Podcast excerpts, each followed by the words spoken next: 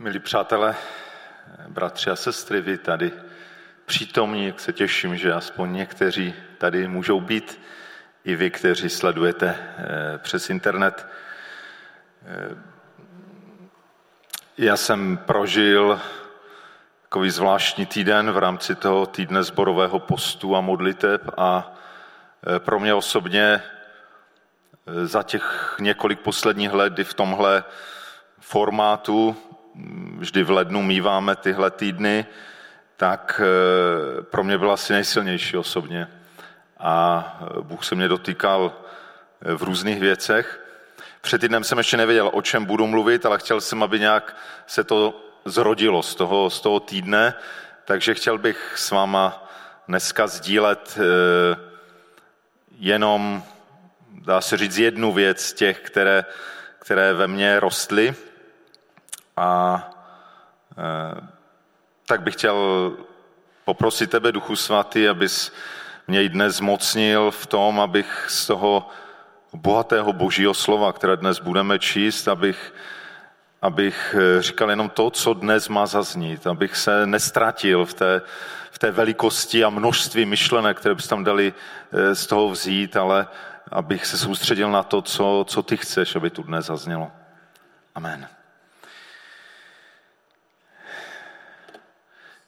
Takže to je to téma, k tomu dojdu trošku později, získat boží smýšlení. A chtěl bych možná začít otázkou, jestliže navazujeme na ten týden půstu, eh, o co vlastně v půstu jde. Sice jsem si říkal, že možná ta otázka měla zaznít před týdnem, než jsme do něho vstoupili, ale, ale možná i zpětně to má svůj význam a navíc možná zase do nějakého dali pán Bůh půjdeme. Eh, tak možná jsou eh, když bychom to vzali od těch nejvíce světských pohledů až po nějaké duchovní, tak eh, pro někoho to může být příležitost k hubnutí, aby, aby zhodil pár kilo. Pro někoho někdo říká, že ten půst, pravidelný půst pročišťuje organismus, takže to je to snad zdravotně dobré, pokud to nějak nepřeženeme. Eh, někteří asketicky smýšlení půst vnímají jako trestání sama sebe. Prostě dělám ty hříchy, padám, selhávám, no tak teď se potrestám tím, že nejím, nebo jiné věci nedělám. Eh, někdy můžeme půst vnímat jako příležitost k sebeovládání, jako si dokázat, no tak pět dní bez jídla, to vydržím, bo jsem borec. Eh, mimo jiné, kvůli tomu jsem se rozhodl, že nebudu pět dní úplně bez jídla, abych nebyl borec. A a můžou být další důvody, o co nám jde v pustu. Můžeme to hledat, že se chceme nějak zalíbit Pánu Bohu, aby na nás stále lépe zhlédl, že, že se tak jako kvůli němu postíme. Můžeme eh, jít do pustu s tím, že intenzivně máme nějakou potřebu. Ať i my sami, nebo lidé kolem nás, kde vnímáme, že, že potřebujeme tu modlitbu zesílit nějak jinak, pustem. I to může být něco, s čím, o co nám v pustu jde můžeme hledat nějaké odpovědi. Má je před náma, jsme na nějaké životní křižovatce, hledáme odpověď od Boha, i proto můžeme jít do pustu. A můžeme, to už jako, jako řekl bych na tom levelu, docela vysoký level, že někdo se chce připodobnit Ježíši, tak když Ježíš se e, někdy postil, tak, tak chci být jako, jako on. A možná mnohé jiné důvody, ale žádný z nich není, některé z nich jsou pravoplatné, některé méně, ale e, já bych chtěl mm, ještě k jinému, k jinému důvodu, o co by mělo jít v pustu dojít. Tím základním textem, který, který jsem vzal, je vlastně text, který, ve kterém byl ten verš, který byl motem toho našeho zborového půstu. Tak kdo čet ty, ty maily, které jsem vlastně každý den posílal, tak tam stále znovu a znovu čet ten verš, e, ta Ježíšova odpověď Petrovi. A mm, tak nejdřív možná si řekněme ten kontext, ve kterém celý tenhle příběh se stal. Jsou někde Ježíš a jeho učedníci v blízkosti jednoho městečka Cezara Filipova a Ježíš tam klade takovou zvláštní otázku svým učedníkům, e, za koho mě pokládají lidé a pak za koho mě pokládáte vy. A Petr jako mluvčí učedníků si bere slovo a říká, ty jsi Mesiáš, syn živého Boha. A to byla odpověď, která se Ježíši moc líbila a tak eh, Jež, Petra pochválil a řekl mu, mluvil o té skále, na které vybuduje svou církev a o nějakých klíčích božího království a, a tak dál. Takže to bylo skvělé. Ježíš řekl, to nemáš ze sebe, Petře, to ti nezjevilo tělo a krev, ale můj otec v nebesích. Skvělé, dostal z toho od Boha nádherné boží zjevení. No a právě potom hned na to navazuje, co začal Ježíš dělat dál. Takže to nejdřív přečtěme Matouš 16. kapitola od 21. verše až do druhého verše následující 17. kapitoly. Dnes používám překlad Bible pro 21. století. Od té doby začal Ježíš oznamovat svým učedníkům, že musí jít do Jeruzaléma, mnoho vytrpět od starších, vrchní kněží a znalců písma, být zabit a třetího dne vstát z mrtvých. Petr ho tehdy vzal stranou a začal ho kárat. Bůh tě chraň, pane, to se ti nesmí stát. On se ale odvrátil a řekl Petrovi, odstup ode mě, satane, svádíš mě, protože nemyslíš na boží věci, ale na lidské. Potom Ježíš řekl svým učedníkům, chceli někdo jít za mnou, ať se zřekne sám sebe, vezme svůj kříž a následuje mě. Kdokoliv by si chtěl zachránit život, ztratí jej. A kdokoliv by ztratil svůj život pro mě, ten jej nalezne. Co prospěje člověku, kdyby získal celý svět, ale sám sobě uškodí?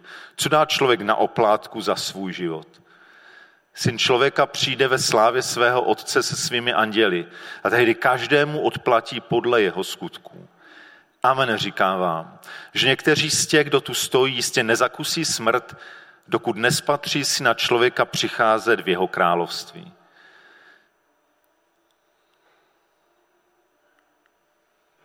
Tam nám to někde seklo.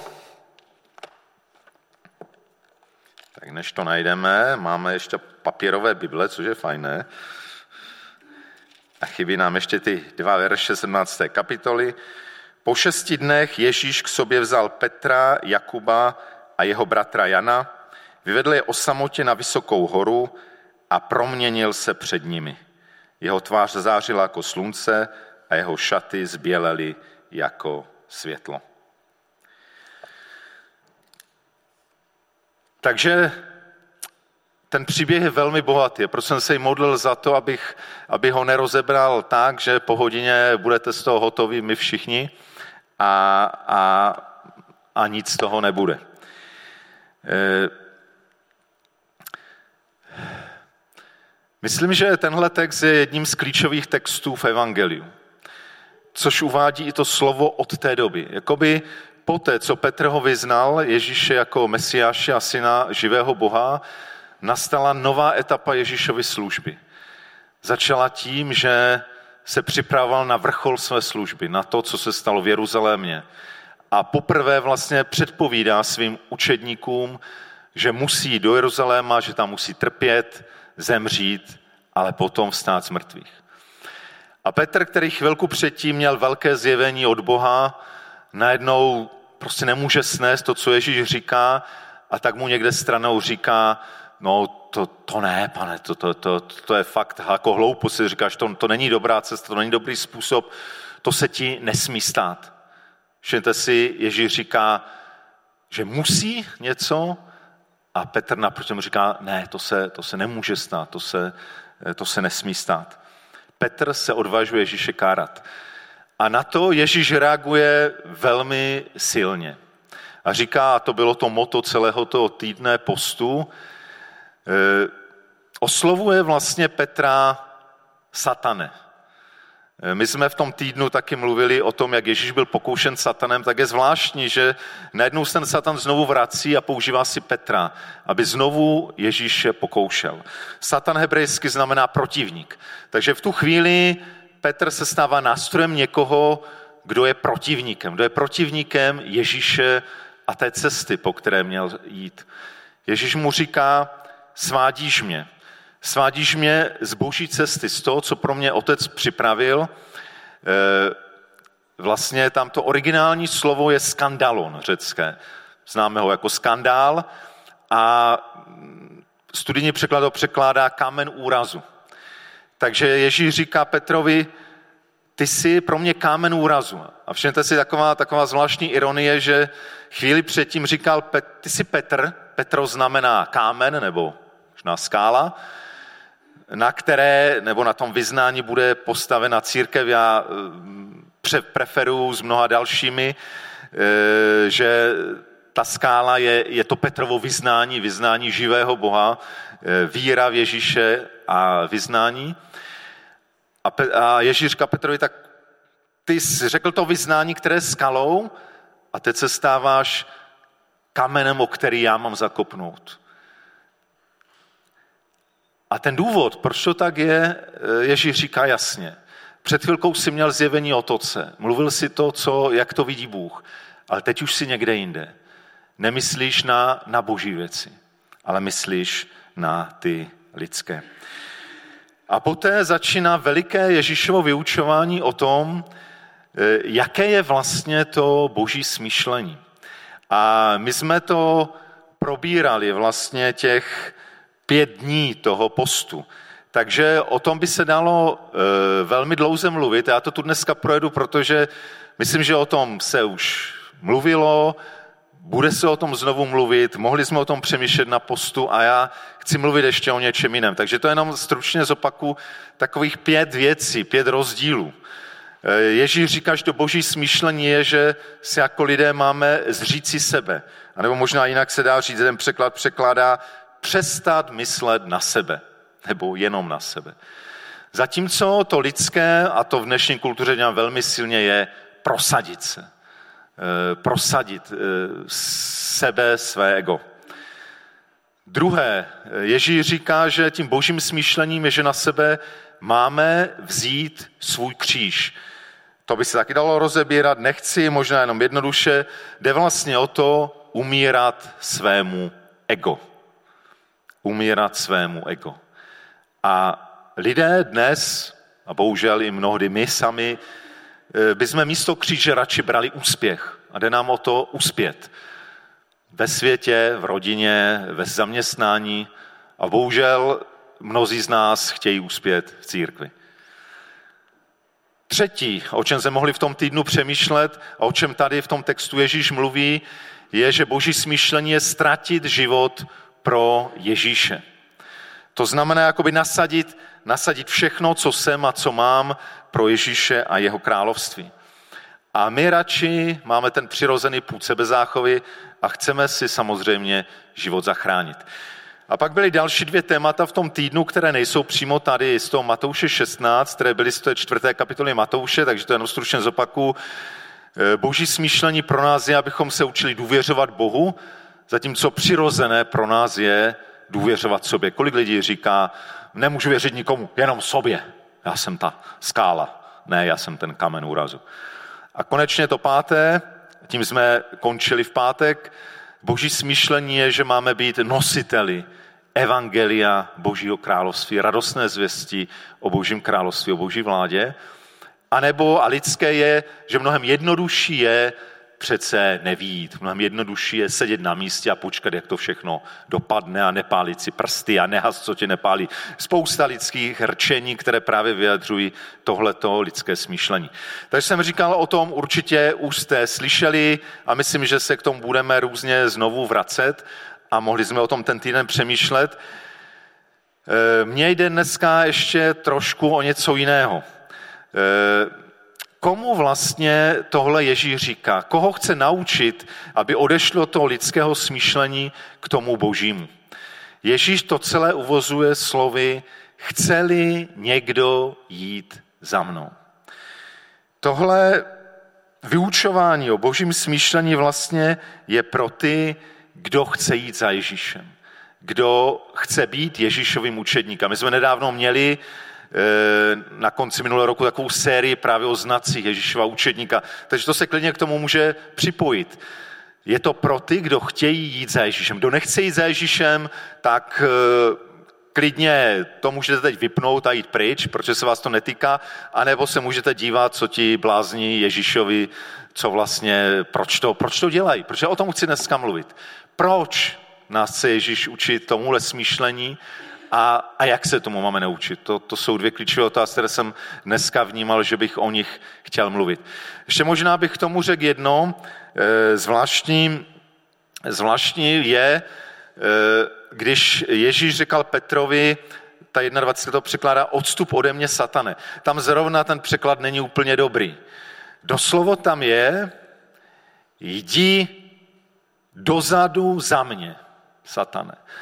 Jinými slovy, Ježíš neříká Petrovi, jdi pryč, jako nechci tě vidět, jo, tak bychom to mohli odstup ode mě. Ne, ne, ne, to není ono. Ježíš říká Petře, vrať se tam, kam patříš. Ty nemáš být přede mnou a říkat mi, co je dobré, co by měl... A kolikrát to děláme, že Pánu Bohu říkáme, no už ukončí tu pandemii, nebo udělej to takhle, udělej to takhle. Ne, že bychom se za to neměli modlit, ale prosím vás, neraďme Bohu. Neraďme Bohu, co by měl dělat. To, to byla chyba, kterou udělal Petr. Radil Ježíši, co by měl dělat. A Ježíš říkal, ne, prosím tě, Petře, to nedělej. Když to děláš, tak si vlastně nástrojem satana. To je tvrdé, přátelé. Když chceme Pánu Bohu radit, tak se stáváme nástroj toho zlého že říká, ne, jdi za mne, jdi tam, kam patříš, jsi můj následovník, tak jdi za mne.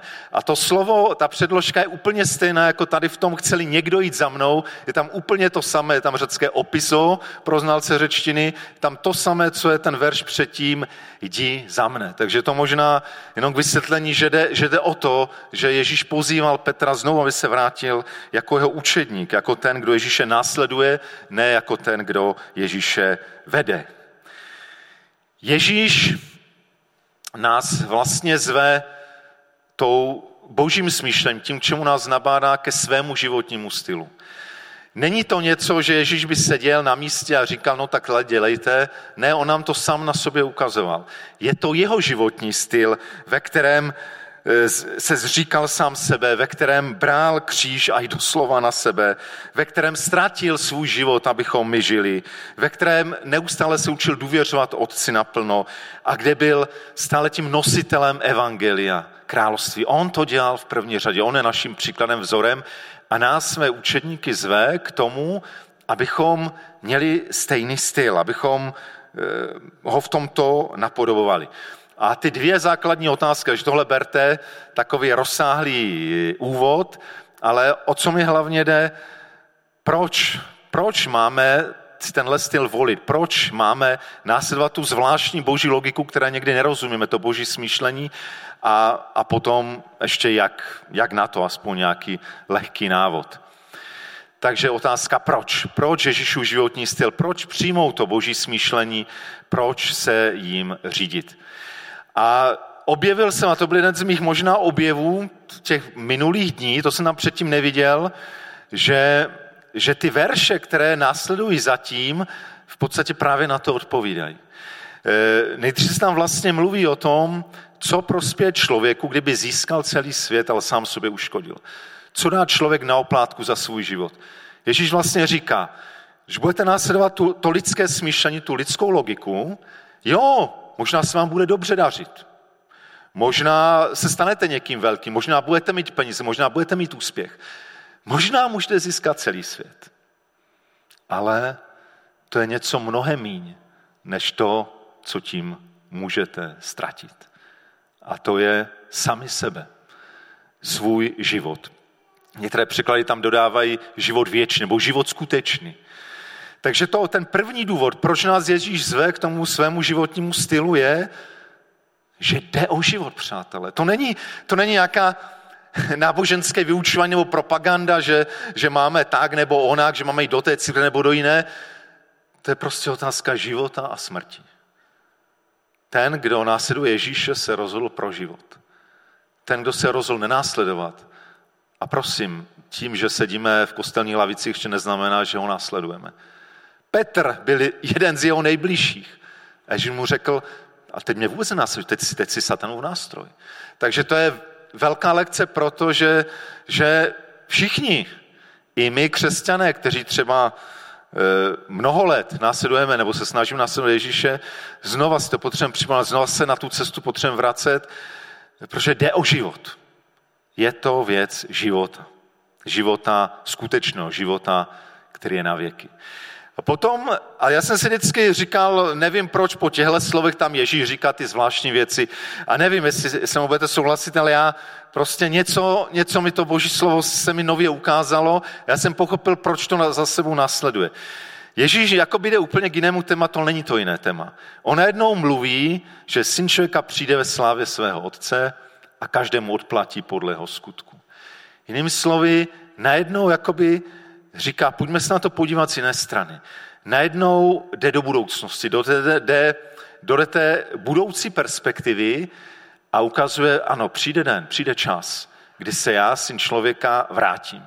Kdy, bude, kdy se Ježíš vrátí na tuto zemi. Bez ohledu na to, jak to přesně bude s vytržením a dalšíma věcma, to myslím si není to nejpodstatnější. Ale Ježíš se vrátí a vrátí se jinak. Vrátí se ve slávě a tehdy odplatí každému podle jeho skutku. A já myslím si, že v tom kontextu vnímám, jako ten základní skutek je to, že uvěříme Ježíši, že ho vyznáme a pozor, že ho také následujeme. Je málo uvěřit Ježíši a vyznat ho. Je třeba ho také následovat. A to je ten skutek, který nám odplatí. A tak přátelé, to je ten, to je ten druhý důvod. Druhý důvod, proč si vybrat a, a neustále každodenně znovu si vybírat Ježíšův životní styl a boží smýšlení, je, že máme žít v té perspektivě. Proto je tak důležité připomínat si, že ano, tady ten svět je konečný. A je tu perspektiva toho, že Ježíš přijde, ukončí tohle, eh, tuhle zemi a tohle nebe a bude nové nebe a nová země. A tam se vyjeví to, jak kdo žil. A potom ten, kdo, komu se možná lidé smáli, si blázen a odpouštíš a takové věci děláš, hnednou tihle lidé zazáří. Protože řekne, no to je ono. Vy jste žili podle toho božího smýšlení. A ti, kteří byli slavní, o kterých se psalo, kteří měli miliony lajků někde na, eh, na Facebooku nebo, nebo na YouTube, tak najednou vyvanou jak dým. Neříkám, že všichni, ale mnozí z nich. Jak, jak, jak sláma. To je ta perspektiva, kterou my si potřebujeme připomínat. To je ten druhý důvod, proč stojí za to zabývat se vážně božím smýšlením a žít podle něho. A pak ještě říká další věc. A zase to s tím souvisí. Nikdy se nechápal, jak to s tím souvisí. A pak najednou říká, říkám vám, že někteří z těch, kdo tu stojí, jistě nezakusí smrt, dokud nespatří si na člověka přicházet v jeho království. Ježíš najednou jakoby vrací ten zoom z té budoucnosti a vrací se do dneška a říká, No pozor, ale není to tak, jak si myslíte. No tak někdy v budoucnu, no to je daleko, než Ježíš se vrátí, no kdo ví, kdy to bude, a než já umřu, no kdo ví, kdy to bude, jsem ještě mladý, mi teprve 56, to ještě podle průměrného věku mám ještě docela dobré dožití, kdo ví, kdy to bude. Že říká, ne, ne, ne, pozor, pozor, ještě vraťte se teď do přítomnosti, já vám chci teď něco důležitého říct. A říká, někteří z těch, kdo tady stojíte, vy to se naživu dneska, právě dneska, ještě předtím, než tenhle svět skončí, ještě předtím, než vy sami odejdete z této země, tak něco zvláštního prožijete. Spatříte syna člověka, spatříte Ježíše Krista nějak v jeho, v jeho slávě. Přichází v jeho království. A to je zvláštní verš, který má různé výklady. Zdá se mi, asi nejčastější výklad je, a mně se taky líbí, že právě souvisí s tím, co sice kdo vymýšlel kapitoly a čísla veršů, tak to dal do další kapitoly, ale evidentně to navazuje. Tam i po šesti dnech časový údaj tedy říká, bezprostředně to na to navazuje, kdy Ježíš třem nejbližším učedníkům se proměnil nahoře. A mnozí vykladači říkají takže to, co Ježíš zasliboval, že někteří z vás, kdo žijete, spatříte si na člověka v té slávě jeho vlády, jeho království, takže ti myslí právě tuhle událo, že někteří zažili, že Ježíš je víc, než je nějaký divný člověk, který říká divné řeči. Že Ježíš je skutečně tím, koho vyznal Petr, že Mesiášem, že synem živého Boha, že je plný, plný boží slávy. A e, tohleto, tohleto mě vlastně připomnělo něco, co, co se mě zvláštním způsobem znovu, znovu dotklo e, v minulých dnech. E, a dneska nám z trošku technika zloby vypadá, že to je důležité, co, o čem mluvíme, tak eh, A to je skutečnost dvou realit. Na tom dalším slajdu mělo být dvě reality. A znovu jsem si to uvědomil, když, když jsem v pátek navštívil bratra Marka Ošeldu, který vás taky eh, hodně pozdravuje. A musím říct, že pro mě ta návštěva bylo jedno z nejsilnějších a nejlepších setkání, které jsem za poslední roky měl.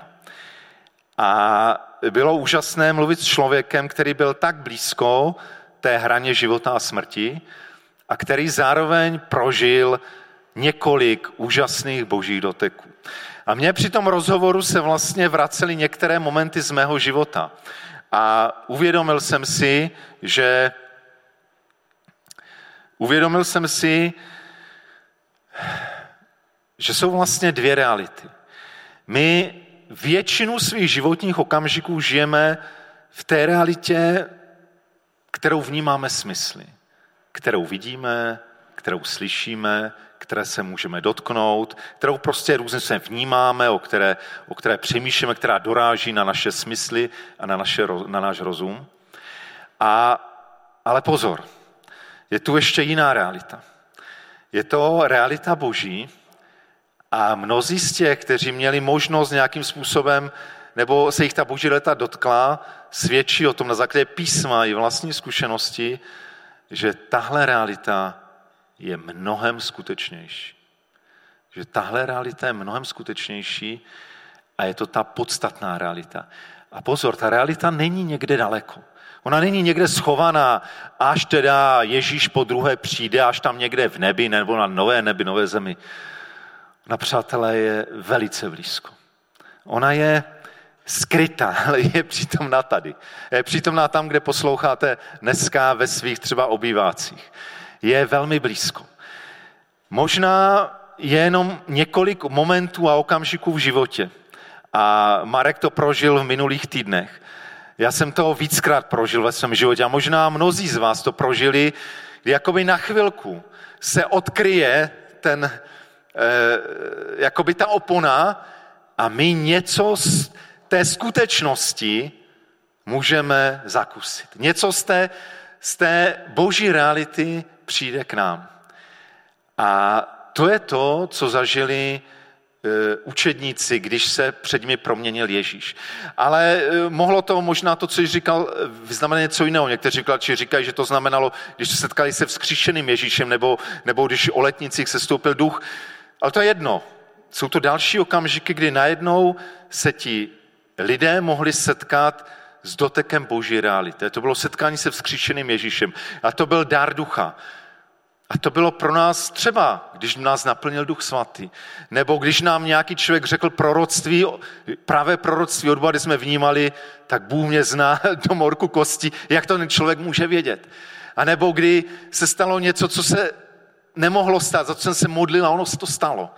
A, a jiné věci, které, kde se najednou nás Bůh dotkl a my jsme vnímali, ano, ta boží realita je skutečná, je, je nám zakrytá je nám z nějakých důvodů zakrytá, ale občas, občas se nás dotkne, občas se jimi můžeme dotknout. A e, to je vlastně e, to třetí, co nás může povzbuzovat k tomu. A myslím, když e, potkáte takového člověka jako Marka, mluvíte s ním, tak vás to právě povzbudí. Já si tam uvědomil jednu věc, kterou jsem vnímal, že chci sdílet.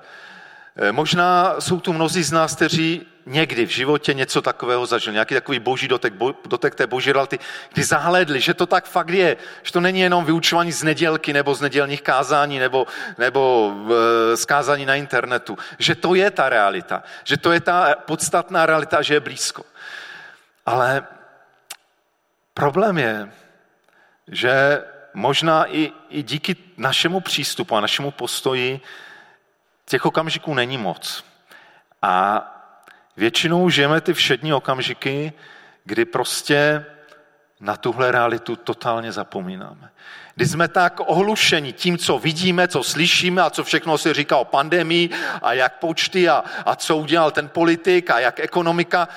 Neříkám, že to nejsou důležité věci. A někdy nás to tak ohluší, tak jsme to plní A pak se nedivím, že přichází panika, strach, beznaděj, zoufalství. Jak by ne? Jak pokud žijeme jenom v tomhle světě, tak to přijde. To je nic jiného ani být nemůže, pokud nechceme úplně zavřít oči. Problém je, že my jsme, že ztrácíme kontakt s tou boží realitou. A, a žijeme jenom v té, v té smutné realitě tohodle, tohodle padlého světa, a pak nás málo co motivuje k tomu, abychom následovali Ježíše. A my si potřebujeme připomínat. A potom, když něco takového prožijeme, nebo se setkáme s takovým člověkem, tak nám to připomíná, my potřebujeme dělat aktivní kroky k tomu, aby jsme otřásli ten prach, abychom nenechali dosednout na prach třeba na to, kdy jsme to prožili a říkali si, jo, jo, jo, před 30 lety, když jsem uvěřil, to bylo úžasné, to se nebe otevřelo, něco krásného jsem prožil. No a teď 30 let následuju Pána Ježíše a chodím do sboru CB v Českém Těšině a je to takové, no, No, no, ale tak jako jsem věrný, jsem věrný. Teď ani nemusím chodit fajně z gauče, se dívám, jsem věrný.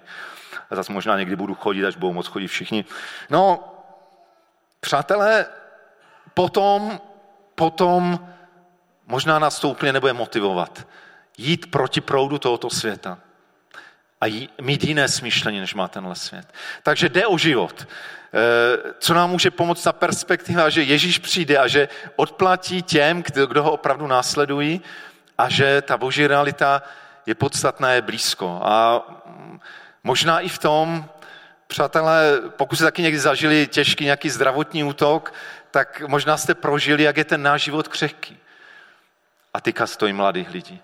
Jak někdy ta hranice mezi životem a odchodem z tohohle světa je mnohem blíž, než tušíme. Mnohem blíž, než tušíme. A i to je příznak toho, že ta realita, ta skutečná, ta definitivní, je velmi blízko. Mnohem blíž, než tušíme. Takže to je proč. A ještě bych chtěl uh, odpovědět na tu otázku. Takže podstatě to hlavní poselství dnešní mé je, Ježíš nás učí dívat se na vše z té boží perspektivy. A tím odpovídám na tu úvodní otázku. Chtěl jsem říct, že když jsem nad tím přemýšlel, tak se mi zdá, že o to hlavně v tom půstu jde. A já jsem to vlastně v tomhle týdnu prožil, že ten půst mi pomáhal znovu a znovu se zaměřovat na, na tu boží realitu, na Boha. A právě i ty signály těla, když, když, když mu uh, chybí třeba to jídlo a, a to, že dobrovolně dám nějaké věci, které mě nerozptilují, dám pryč, tak najednou mnohem lépe si můžu připomínat tuhle tu boží realitu a můžu se učit dívat na vše z boží perspektivy. Takový jeden verš, který bych chtěl ještě říct, který by nám měl pomoct právě získat boží smýšlení, což je název toho dnešního slova a jak už to tady říkal, myslím jak Vladek, tak Honza, že i to slovo dneska mám proto, abychom tím týdnem neskončili. To, a říkám to i právě proto ne, abychom třeba si vzali něco do příštího půstu, ale proto, že to je výzva pro každý den.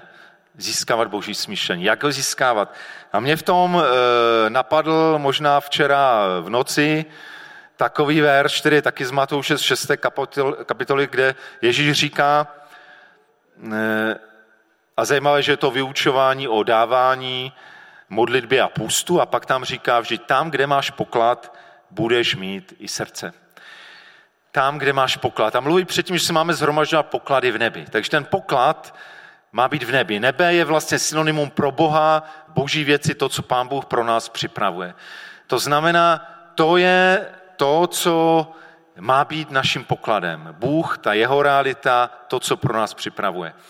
A když na tím přemýšlel tam, kde máš poklad, nebo kde je tvůj poklad, když mám někde poklad, tak je to pro mě nějakým způsobem vzácné.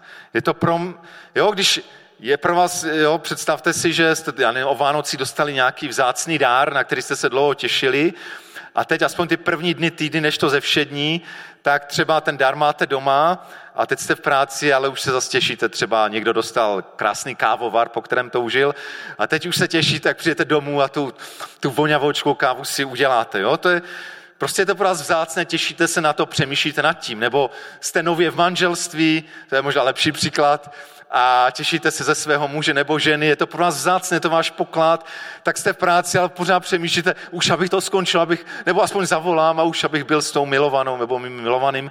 Prostě když je něco pro nás poklad, tak je to pro nás vzácné, myslíme na to. A to je právě první cesta, abychom získávali boží smýšlení. Zná učit se znova a znova myslet na Boha a boží věci. Myslet na to jako nějakou prioritu.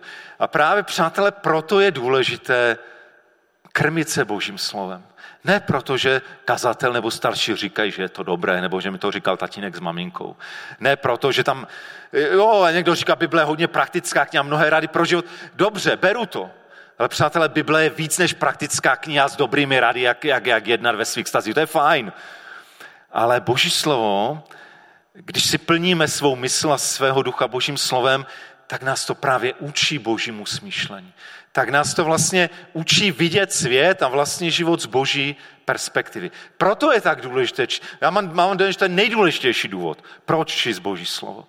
Aby, aby do nás přicházela e, boží smýšlení a samozřejmě třeba k tomu božího ducha, ve světle božího ducha. Takže to je první rada, aby jsme v, post, v pustu na to zvláštní čas, ale kež si kež o to usilujeme, abychom se krmili božím slovem, a prosili, aby Boží duch nám ho otvíral a abychom měli čas s Bohem v modlitbě, abychom, e, abychom měli čas s druhými, protože to nás může povzbudit právě vidět ty věci z Boží perspektivy, scházet se s učedníky, mít skupinky, to, to je skvělá věc. A to druhé, když e, máme, e, říká, že kde je tvůj poklad, takže poklad je vzácný, myslíme na něho, ale předtím Ježíš tam říká, nezhromažďujte si poklady na zemi, kde o ně přijdete, ale zhromažďujte si poklady v nebi, ty, ty boží, co se týká božích věcí. To znamená, zhromažďovat si znamená investovat. A to je druhá zásadní rada pro to, jak získávat boží smýšlení.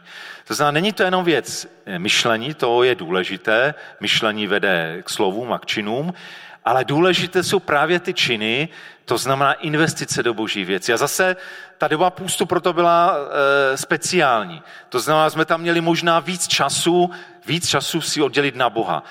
A to jsou ty věci, o které právě Ježíš mluví v 6. kapitole Matouše, těsně předtím, než říká ta slova o, o pokladu. Čas pro modlitbu, půst a dávání. Možná o dávání ještě dneska něco uslyšíme, jaké, jaké, jaký to má význam. A a samozřejmě služba, samozřejmě misie a další takové věci, nejde, eh, budování vztahů, ale berme to všechno, jakož jsou to investice. Dělejme ty věci i budování vztahů, službu, misi, dávání, modlitbu, půst. Berme jako to, že investujeme do božího království. A to je pak něco, to, že tomu věnujeme čas, to, že nad tím přemýšlíme, to, že proto něco děláme, to mění naše smýšlení. Tím, tím vlastně si e, budujeme ten poklad v nebi a tím tam jde přirozeně to naše srdce. A plníme se tím božím smýšlením. E, tak mi dovolte, abych, abych to slovo teď, teď zakončil modlitbou. Pane Ježíši Kriste, e, ty jsi byl fakt, fakt někdo zvláštní. Jsi přišel na tuhle zem a byl z jiný než všichni jiní lidé. V mnoha byl stejný jak my, ale v mnoha věcech jiný. A, a to, co jsi říkal a to, co jsi bylo tak neobvyklé. Je to dodnes neobvyklé, zvláštní. Díky za to, že to nemusíme jenom obdivovat nebo se nad tím podívat. Díky za to, že nám dáváš své slovo svého ducha, abychom mohli přijít na to, že ten tvůj životní styl je, je, to, je ten ideál je ten ideál, jak projít tímhle světem nejlíp. Jak být nejlépe připraven na věčnost. Jak být nejlépe užitečný pro lidi kolem nás. Já ti děkuji, Ježíši, že jsi nám dal nejenom vzor a příklad, že jsi nás pozval na tuhle cestu. Že to není jenom pro kazatele starší nebo nějaké borce. Že to může kdokoliv. A někdy prostě lidé následují mnohem upřímněji a mnohem jasněji tebe, než, než vzdělání a učení a titul, otitulování tak pane Ježíši, děkuju, že v tom jsme na stejné startovní pozici a že si nás pozval tě následovat, že jsi nás pozval, abychom se učili chápat eh, tu tvou logiku, tvé smýšlení, boží smýšlení, abychom nakonec pochopili, že to je ono, přijali ho a, dovolili tvému duchu, aby ho uskutečňoval v našich životech. A tak eh, prosím, pane, aby eh, možná to ovoce, to, jak mnozí z nás prožívali ten zborový půst, aby to, co z nám ukázal, k čemu z nás dovedl, nebo to, co nám říkáš skrze dnešní poselství, aby, aby si na tom dále budoval, abychom v tom rostli, abychom byli skutečně tvými následovníky, kteří budou požehnáním pro ty, kteří s námi žijí, požehnáním pro tento svět. Amen.